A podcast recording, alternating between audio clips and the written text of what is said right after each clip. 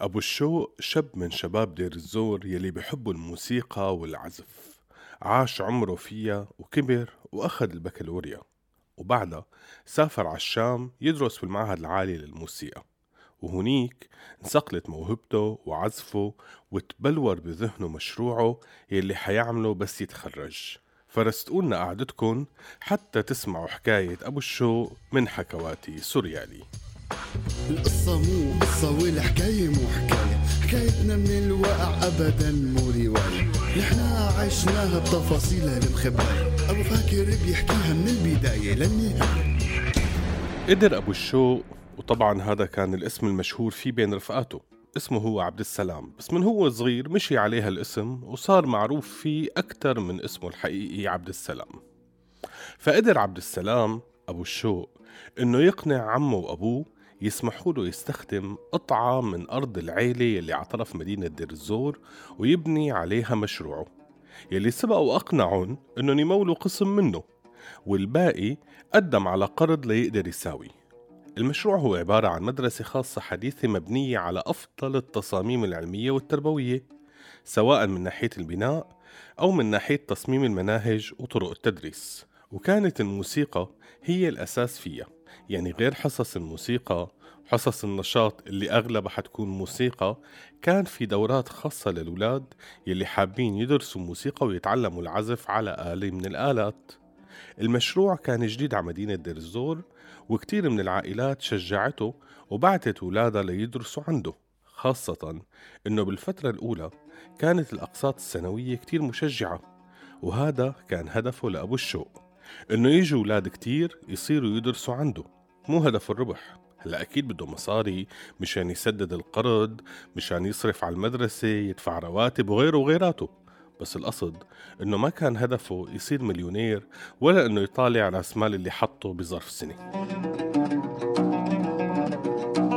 وبلشت المدرسة تكبر وتنعرف أكتر وبلش يصير في عدد من الطلاب المهتمين بالموسيقى. ويلي ممكن إنه يشكلوا فرقة صغيرة تعمل حفلات بالمدرسة. وبلشت هالفرقة تكبر وتصير تعمل حفلات بالمدينة ببعض المناسبات. وأبو الشوق طاير عقله إنه فعلا حلمه عم يتحقق وإنه كان على حق وأمله بمكانه. وفعلا في جيل موهوب حينشأ ويكبر وهو مهتم بالموسيقى.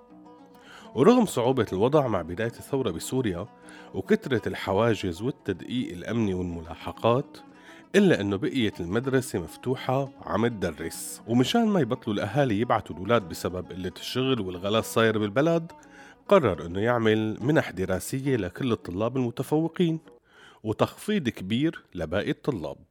وهيك قدر يبقى محافظ عليهم من تظمين بالدوام لحتى اجى اليوم الأسود على مدينة دير الزور ودخلت داعش عليهم.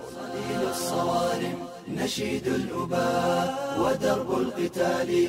طريق الحياة فبين اقتحام يبيد الطغاة وكاتم صوت جميل صدى.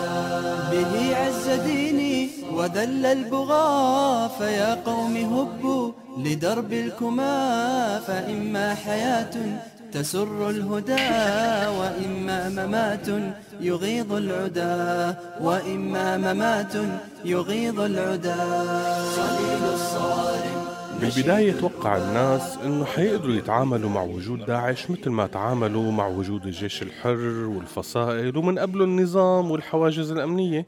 إنه يعني حيكون في حواجز لداعش وحيكون في بعض القوانين اللي حيفرضوها ورح تبقى الحياة ماشية مثل الأول ومثل ما الناس بدها.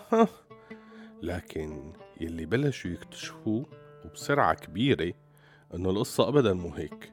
هذا التنظيم جاي وعرفان شو بده. عم يشتغل على زرع أساسات وجوده واستمراره والوسيلة الأكبر لهالشي هي الأطفال والتعليم. مشان هيك بلشت بعد فترة بسيطة من سيطرة تنظيم داعش على المدينة بلشت المدارس تتحول لمدارس تابعة للتنظيم وآلية تفكيره وطريقة عمله. صاروا الأولاد هنيك يتعلموا القتال وحمل السلاح قبل ما يتعلموا الفقه والدين.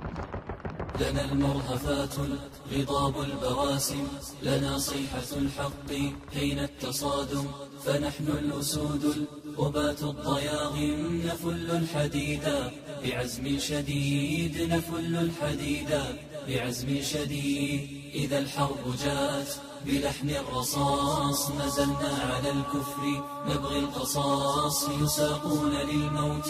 ما من مناص ونسقي الهدى من دماء الوريد ونسقي الهدى من دماء الوريد ونرضي بحد حسام الرؤوس ونشفي بضرب عداة النفوس فأبشر عدوي بيوم عبوس ليشرق في الكون مجد تليد ليشرق في الكون مجد تليد.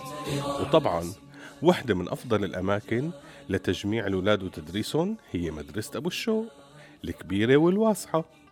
المدرسة يلي بديت بحلم تحويل طاقة الأولاد كلها للفن بدل العنف صارت مكان لزرع العنف والتطرف بعقل وقلب نفس الأولاد الشي اللي بالبداية ما كان ممكن يفهمه ولا يتخيله أبو الشو أبدا لحد ما إجت اللحظة يلي شاف فيها اتنين من طلابه يلي كان يدربهم على عزف تشيلو حاملين رشاش وواقفين على باب بيته.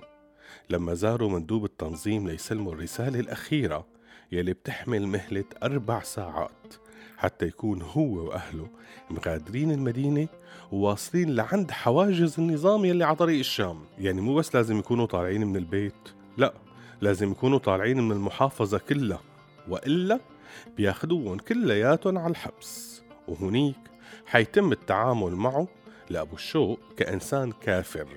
لأنه كان يروج للفسق من خلال تدريس الموسيقى وإلهاء الأولاد عن ذكر الله وزرع أفكار وعادات الكفار في عقول أبناء المسلمين. طبعا قدام هيك ليست التهم نتيجتها أكيد الحكم بالإعدام. قبل أبو الشوق العرض المقدم وترك البيت والبلد واتجه هو وأهله للشام.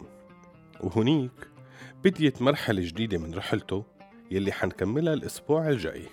استودعناكم. هذا البرنامج من إنتاج راديو سوريالي 2018 عم تسمعوا راديو سوريالي.